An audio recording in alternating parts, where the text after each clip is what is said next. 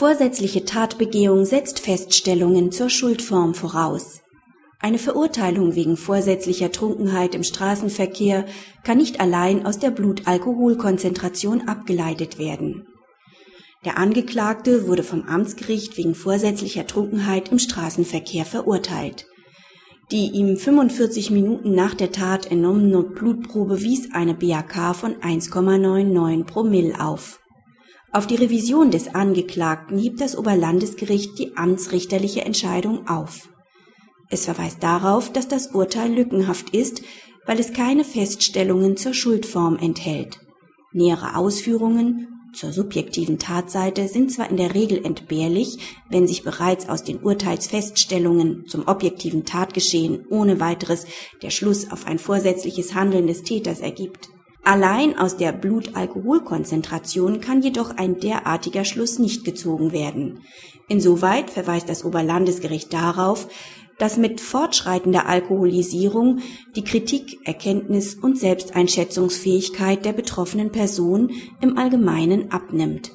Von daher existiert auch kein Erfahrungssatz, dass derjenige, der in erheblichem Maße Alkohol getrunken hat, seine Fahruntüchtigkeit auch tatsächlich erkennt und insbesondere etwaige Ausfallerscheinungen bewusst wahrnimmt und aus ihnen die richtigen Schlüsse zieht.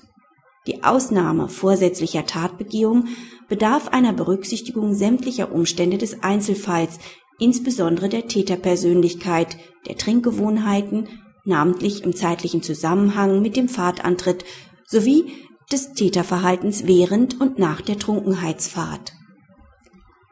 Praxishinweis.